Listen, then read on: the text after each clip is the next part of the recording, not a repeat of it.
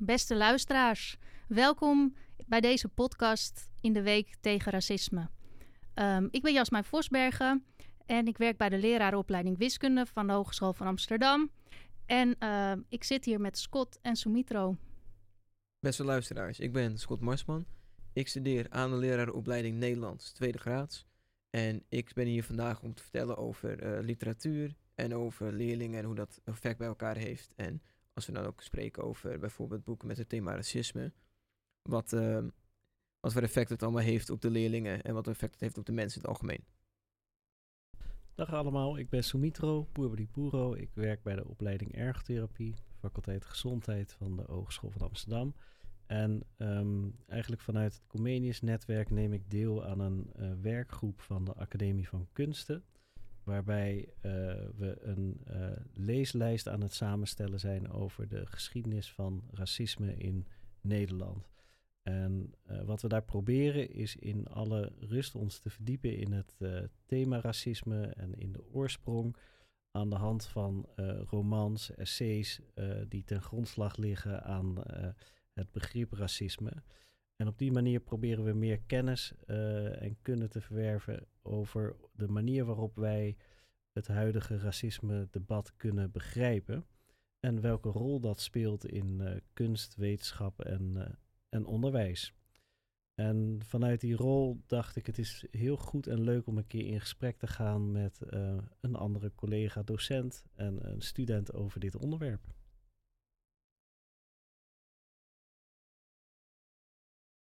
Scott, jij bent uh, uh, student van de leraaropleiding Nederlands. Hoe uh, denk jij hierover? Ja, ik denk dat vooral in het onderwijs in Nederlands, waar ik natuurlijk uitspreek, dat we heel weinig in verdiepen in maatschappelijke thema's wat betreft literatuur en boeken. En we gaan natuurlijk zelf niet dieper in op de kunstgedeeltes of de andere geschiedenis ervan. Maar ik ben wel van mening dat, dat er op zijn minst een leeslijst kan komen met één boek waar een leerling uit kan kiezen om zich te kunnen verplaatsen in een, uh, iemand die wordt gediscrimineerd of iemand die daar uh, problemen mee heeft. Want het is wel gewoon bewezen dat een leerling, of een mens zelfs, sympathieker wordt of meer begrip heeft voor een situatie als ze er een boek over hebben gelezen.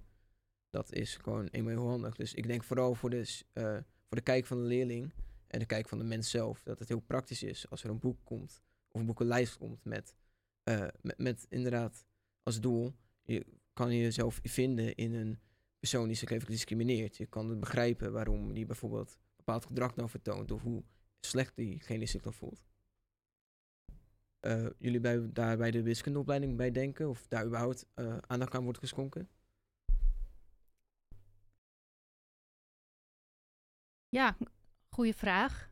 Ik kan me voorstellen dat bij de leraaropleiding Nederlands het uh, vanzelfsprekend is dat je een literatuurlijst hebt uh, en de boeken leest. Binnen onze opleiding uh, is het minder gebruikelijk. We hebben natuurlijk wel in het algemeen um, binnen de leraaropleidingen dat je uh, wil dat studenten zich kunnen verplaatsen in hun leerlingen. Dus in die zin ben ik het helemaal met je eens dat het goed is als we lezen over ehm, allerlei maatschappelijke thema's, waaronder dit thema. Ja, dat is eigenlijk is dat ook de kern van die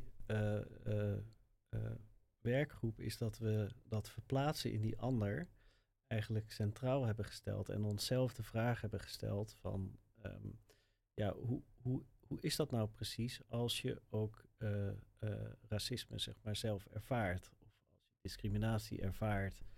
er wordt veel gesproken over dat het eigenlijk overal zeg maar aanwezig is. Um, er wordt ook veel over mensen gesproken die gediscrimineerd worden of die racisme ervaren. Um, maar kunnen we dat nou echt zeg maar goed doorgronden en weten we hoe dat ook voor hen uh, voelt? Dus toen hebben we gezegd, we moeten ook eens kijken of we werken kunnen lezen die uh, bijvoorbeeld door schrijvers zijn geschreven die een, een, gemengde achtergrond hebben of die, een, die zelf zeg maar zwart zijn Hè, uh, als je naar de literatuur kijkt, dan is er heel veel wat wij zeg maar binnen ja, onze algemene vakgebieden gebruiken, komt uit een, uit een westerse koker. Uh, waarbij de schrijvers ook vaak vanuit de westers gedachtegoed schrijven. De modellen die we gebruiken zijn ook westers, terwijl er heel veel literatuur is die we eigenlijk niet lezen. Hè, dus het, het, het benaderen van het onderwerp vanuit een ander perspectief en die ander echt proberen te begrijpen is een beetje de kern uh, van die zoektocht. En dat zijn dan uh, nou ja, ook echt ontdekkingen die je doet, omdat je je het eigenlijk niet zo goed kunt voorstellen. Je zou het wel willen, maar ja, als je dan gaat lezen hoe mensen daar echt zelf over schrijven, dat, is, dat kun je je niet goed voorstellen. Precies, dus naast de leeslijst over mensen met een migratieachtergrond of geschreven door een migratieachtergrond, lijkt je ook een goed idee om het uh, idee te promoten van uh, Oosterse boeken en boeken uit hele andere, die zijn ontstaan uit hele andere invloeden dan uit de westerse wereld. Ja, en het, ja, je moet ergens beginnen hè? en in het, uh, nou, in het licht van de hele Black Lives Matter beweging ga je al heel gauw lezen over uh, zeg maar Afro-Amerikaanse geschiedenis van uh, racisme en hoe heeft zich dat dan in Nederland ontwikkeld. Uh, en dan kom je um, ja, al heel snel bij de geschiedenis van Nederland terecht, het slavernijverleden. En zo komt zo'n boek van Anton de Kom op de lijst. En als je dat dan gaat lezen, dan is dat ook gewoon onze Nederlandse geschiedenis. En of ik nou uh, in een uh, domein gezondheid opleid tot ergotherapeuten of uh, tot leraar Nederlands of wiskunde, het is onze gedeelde geschiedenis. En moeten we die niet eens goed onder ogen zien om het beter te kunnen begrijpen? Ja, absoluut. Een hele goede vraag. En dan ook vooral, moeten we dan vanaf, in hoeverre moeten we dat dan onderwijzen bijvoorbeeld ook? Is dat dan dat, het, dat we het zo willen zeggen dat we het promoten via advertenties? Of we zeggen, ik wil dit verwerken in het onderwijs? Ja, dat is echt een hele goede vraag. En Jasmijn zei het ook al. Um, ja, als je een vak onderwijst als Nederlands, dan is er vaak al sprake van een leeslijst. Uh, mm -hmm. Waarop je dit soort dingen uh, kunt eigenlijk heel makkelijk kunt plaatsen. Omdat je ook discussie hebt met collega's over ja, wat moet er nou op die leeslijst uh, ja, staan. Zeker. Terwijl in andere vakgebieden, wiskunde of ergotherapie of, of, of gezondheid, is het niet zo vanzelfsprekend dat dat soort onderwerpen ja, in het curriculum aan bod komen. Terwijl we wel zeggen dat in al die verschillende opleidingen is er sprake van institutioneel racisme. proberen we dat tegen te gaan. we hebben allerlei mooie programma's om meer kleur op de werkvloer te krijgen. Um, maar nergens in het curriculum hebben, hebben we het daadwerkelijk over die onderwerpen. En waar we naar zoeken is, um, nou, kun je zeg maar daar, daar omheen ook, bijvoorbeeld door leesgroepen of boekenclubs of activiteiten, gewoon samen daarover lezen en het daarover hebben in relatie tot wat je in het onderwijs doet of waartoe je wordt opgeleid. Precies. Want dat is heel erg belangrijk. En dat vind ik inderdaad ook een heel goed initiatief. Dat je dan al, uh, het begin met, als je dat uh, invoegt bij de leeslijst, een boek wat gaat over racisme of dergelijke, dan zullen dit soort onderwerpen, naarmate hoe meer dit wordt gelezen, gemak gemakkelijker worden om te bespreken. En dit soort boekactiviteiten of leesactiviteiten ook makkelijk worden om op te zetten. Want als je dan zegt, nou, ik weet niet of jullie dit hebben gelezen, dit boek of dergelijke, maar ik vind dat heel veel inzicht bieden voor ons nu of voor dit probleem wat wij wellicht ondervinden op het gebied ergotherapie, leraars uh, of onderwijs of iets heel anders. Dat je kan zeggen, nou misschien moeten we hier een uh, boek over lezen, want we hebben het al misschien al in onze middelbare tijd gedaan. Van nou, we hebben een goed boek gelezen en het bracht ons heel veel inzichten. Maar dat is natuurlijk ook heel prettig of fijn als je dan dat we mensen realisatie trekken. Nou, als we meer lezen over andere onderwerpen, dan krijgen we daar ook weer inzicht over. Dat het ook een heel goed stap, uh, stapsgewijs kan gaan van niet alleen racisme, maar ook andere maatschappelijke problemen kan uh, oplossen of uh, tegengaan. Ja, en dat is ook als je daarover gaat lezen, dan. um, nou ja, een voorbeeld is dat we bij het lezen er eigenlijk ook achter kwamen dat dat, hè, dat discriminatie of, of racisme zich inderdaad helemaal niet beperkt tot zeg maar alleen maar die huidskleur of, of, etnische achtergrond, maar dat ook hè, vrouwen systematisch daarmee te maken hebben. En dat een combinatie daarvan, dus als een vrouw van kleur, is, dat, is dat een intersectie die het, die het heel erg relevant maakt om het daarover te hebben. Want iedereen weet het wel dat het gebeurt, maar waarom het nou precies gebeurt en waar eh, eh, vrouwen dan bijvoorbeeld last van hebben, ehm, ja, daar, daar, daar hebben we het niet goed genoeg over. Terwijl we wel zeggen van nou, we zeggen dat we zoveel procent vrouwen in de top willen bijvoorbeeld. En dat laten we dan zien of dat wordt geforceerd. Uh, en dan hebben we dat. Um, maar hebben we daarmee dan ook het racisme zeg maar uitgeband? Nou, dat is, dat is de vraag of dat zo werkt. En um, ik denk dat uh, wij zeg maar vanuit het onderwijs en ook zeker het uh, uh, nou, voorbereidend onderwijs, dat daar, dat daar ook een taak en een verantwoordelijkheid ligt voor ons als docenten om um, nou ja, mensen zeg maar breed bewust te maken van dit soort onderwerpen in relatie tot, uh, tot, tot, tot, hun eigen toekomst en hun eigen verleden. -hmm. ik, ik heb een vraag. Want lezen, dat kan je dichterbij brengen. Um, soms kan het ook een soort afstand creëren als het uh, te dichtbij komt of uh, moeilijk is te bevatten. Dus um, je moet ook een soort nazorg misschien doen of het begeleiden. Hoe zien jullie dat? Nou, oh, ja, als ik dat uh, mag zien, dan zou ik bijvoorbeeld, als we spreken over literatuur in dit geval, als je zegt, nou het lezen kan heel veel heel dichtbij komen of dergelijke, dan vind ik dat het verantwoordelijkheid in het, als we spreken over middelbare onderwijs, dat een docent dan uh, zich dan goed genoeg inleest over de boeken zelf en de, wellicht de gemoedstoestand van de leerling ook wel goed bijhoudt. En als u merkt, dit, deze boeken zijn te veel voor sommige leerlingen of te heftig, dat hij dan zegt, nou ik suggereer misschien dat je een ander boek gaat lezen wat misschien wat lichter is, zodat het beter te verwerken valt.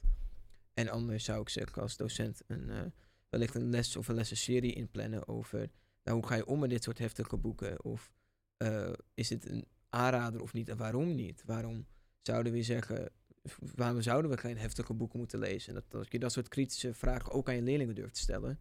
Maar dat je ook uh, moet uitleggen als docent en moet verantwoorden als docent waarom dit soort heftige boeken moeten worden gelezen soms. Of wordt aangeraden. Ja, ik denk dat dat uh, helemaal waar is en, en dat de vraag over nazorg heel terecht is. En ook dat je van tevoren nadenkt over het creëren van een veilige omgeving waarin je dat gaat lezen. Dus de kritische vraag inderdaad, waarom zou je over ongemakkelijke onderwerpen gaan lezen? Want dat, dat is het. En het is soms ook heel erg confronterend um, en heel erg ongemakkelijk. Maar juist dat maakt dat je het kunt uh, begrijpen. Dus ja, die nazorg is zeker nodig. En ook um, uh, inderdaad ervoor zorgen uh, dat je met collega's daar ook over in gesprek uh, gaat van hoe doe je dat dan?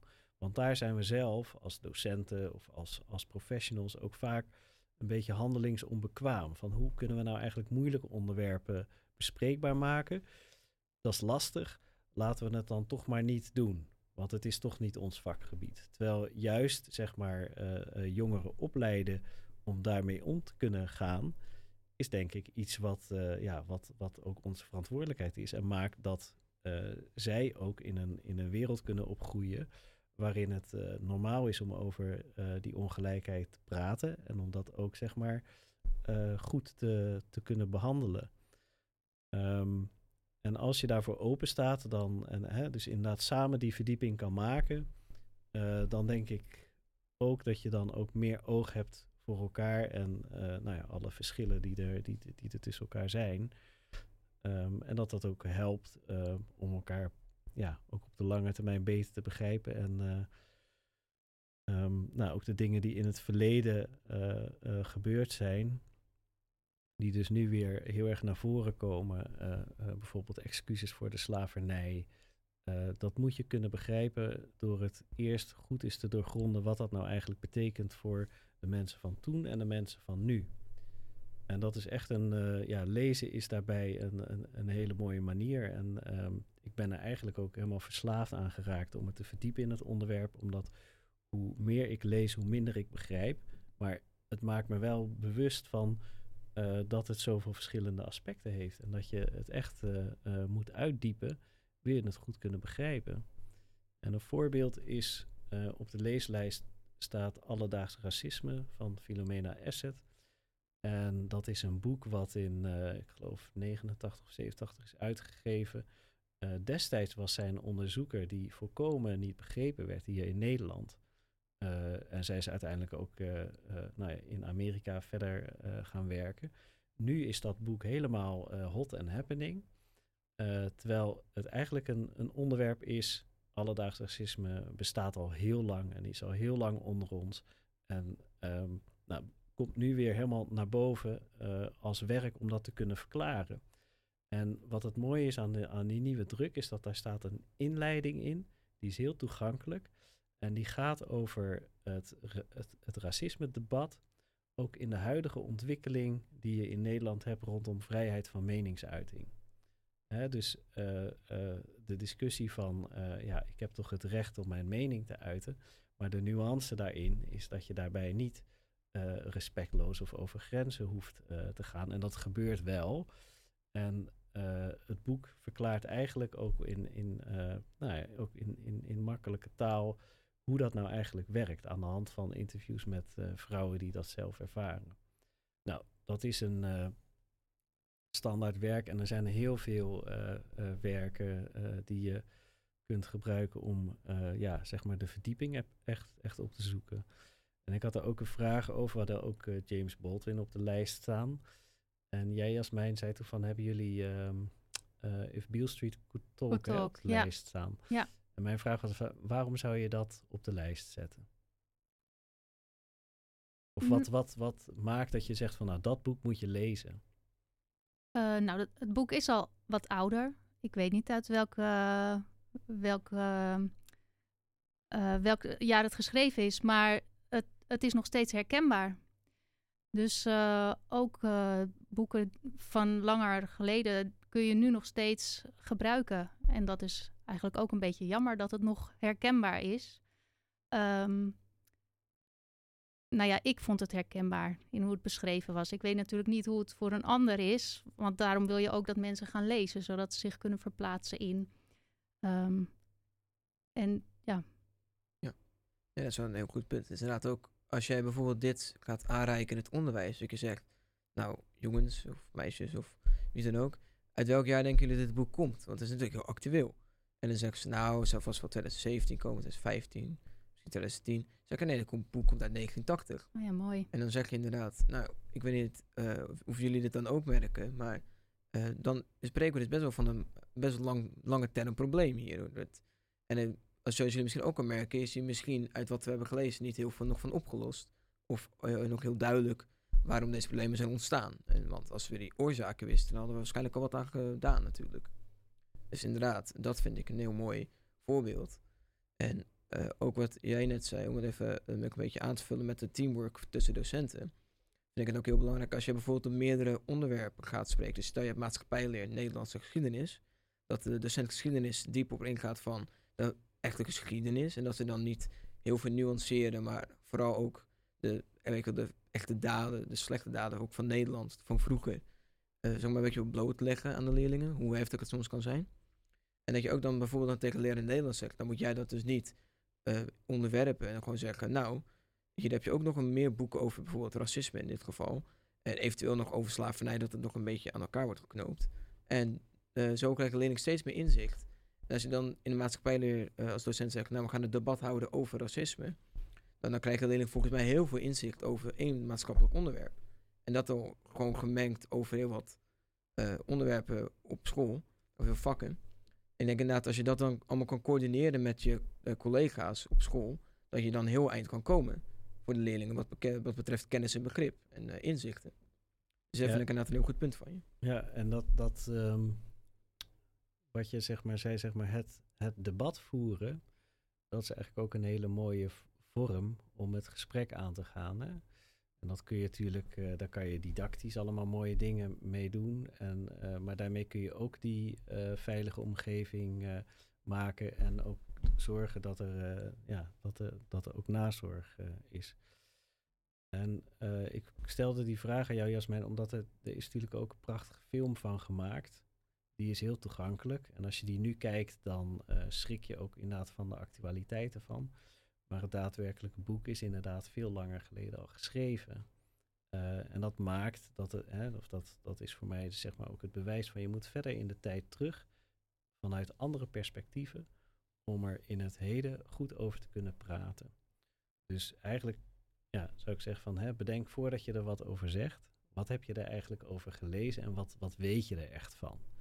En als we eh, elkaar dan uh, daarover willen spreken, dan zou je eigenlijk moeten zeggen van nou, eigenlijk zouden we eerst samen wat moeten lezen en dan nog eens het gesprek voeren. En daar krijg je echt hele mooie gesprekken van. En uh, nou ja, dat is ook wat ik eigenlijk studenten en docenten ook, ook, ook gun. er is ook een boekenclub op de HVA. Ehm, daar zou je ook kunnen beginnen met pak eens een boek van deze leeslijst erbij en gaat gesprekken eens een keer aan. Maar natuurlijk ook op de vakgroepniveau of studenten. Iedereen kan dat natuurlijk dat initiatief nemen. Nou, laten we dat initiatief nemen, zou ik zeggen. Um, ik wil jullie allebei bedanken en mezelf voor deze podcast. Iedereen bedankt voor het luisteren en um, tot op de boekenclub. Heel graag gedaan. Blijf lezen. Ja, blijf vooral lezen. Heel graag gedaan.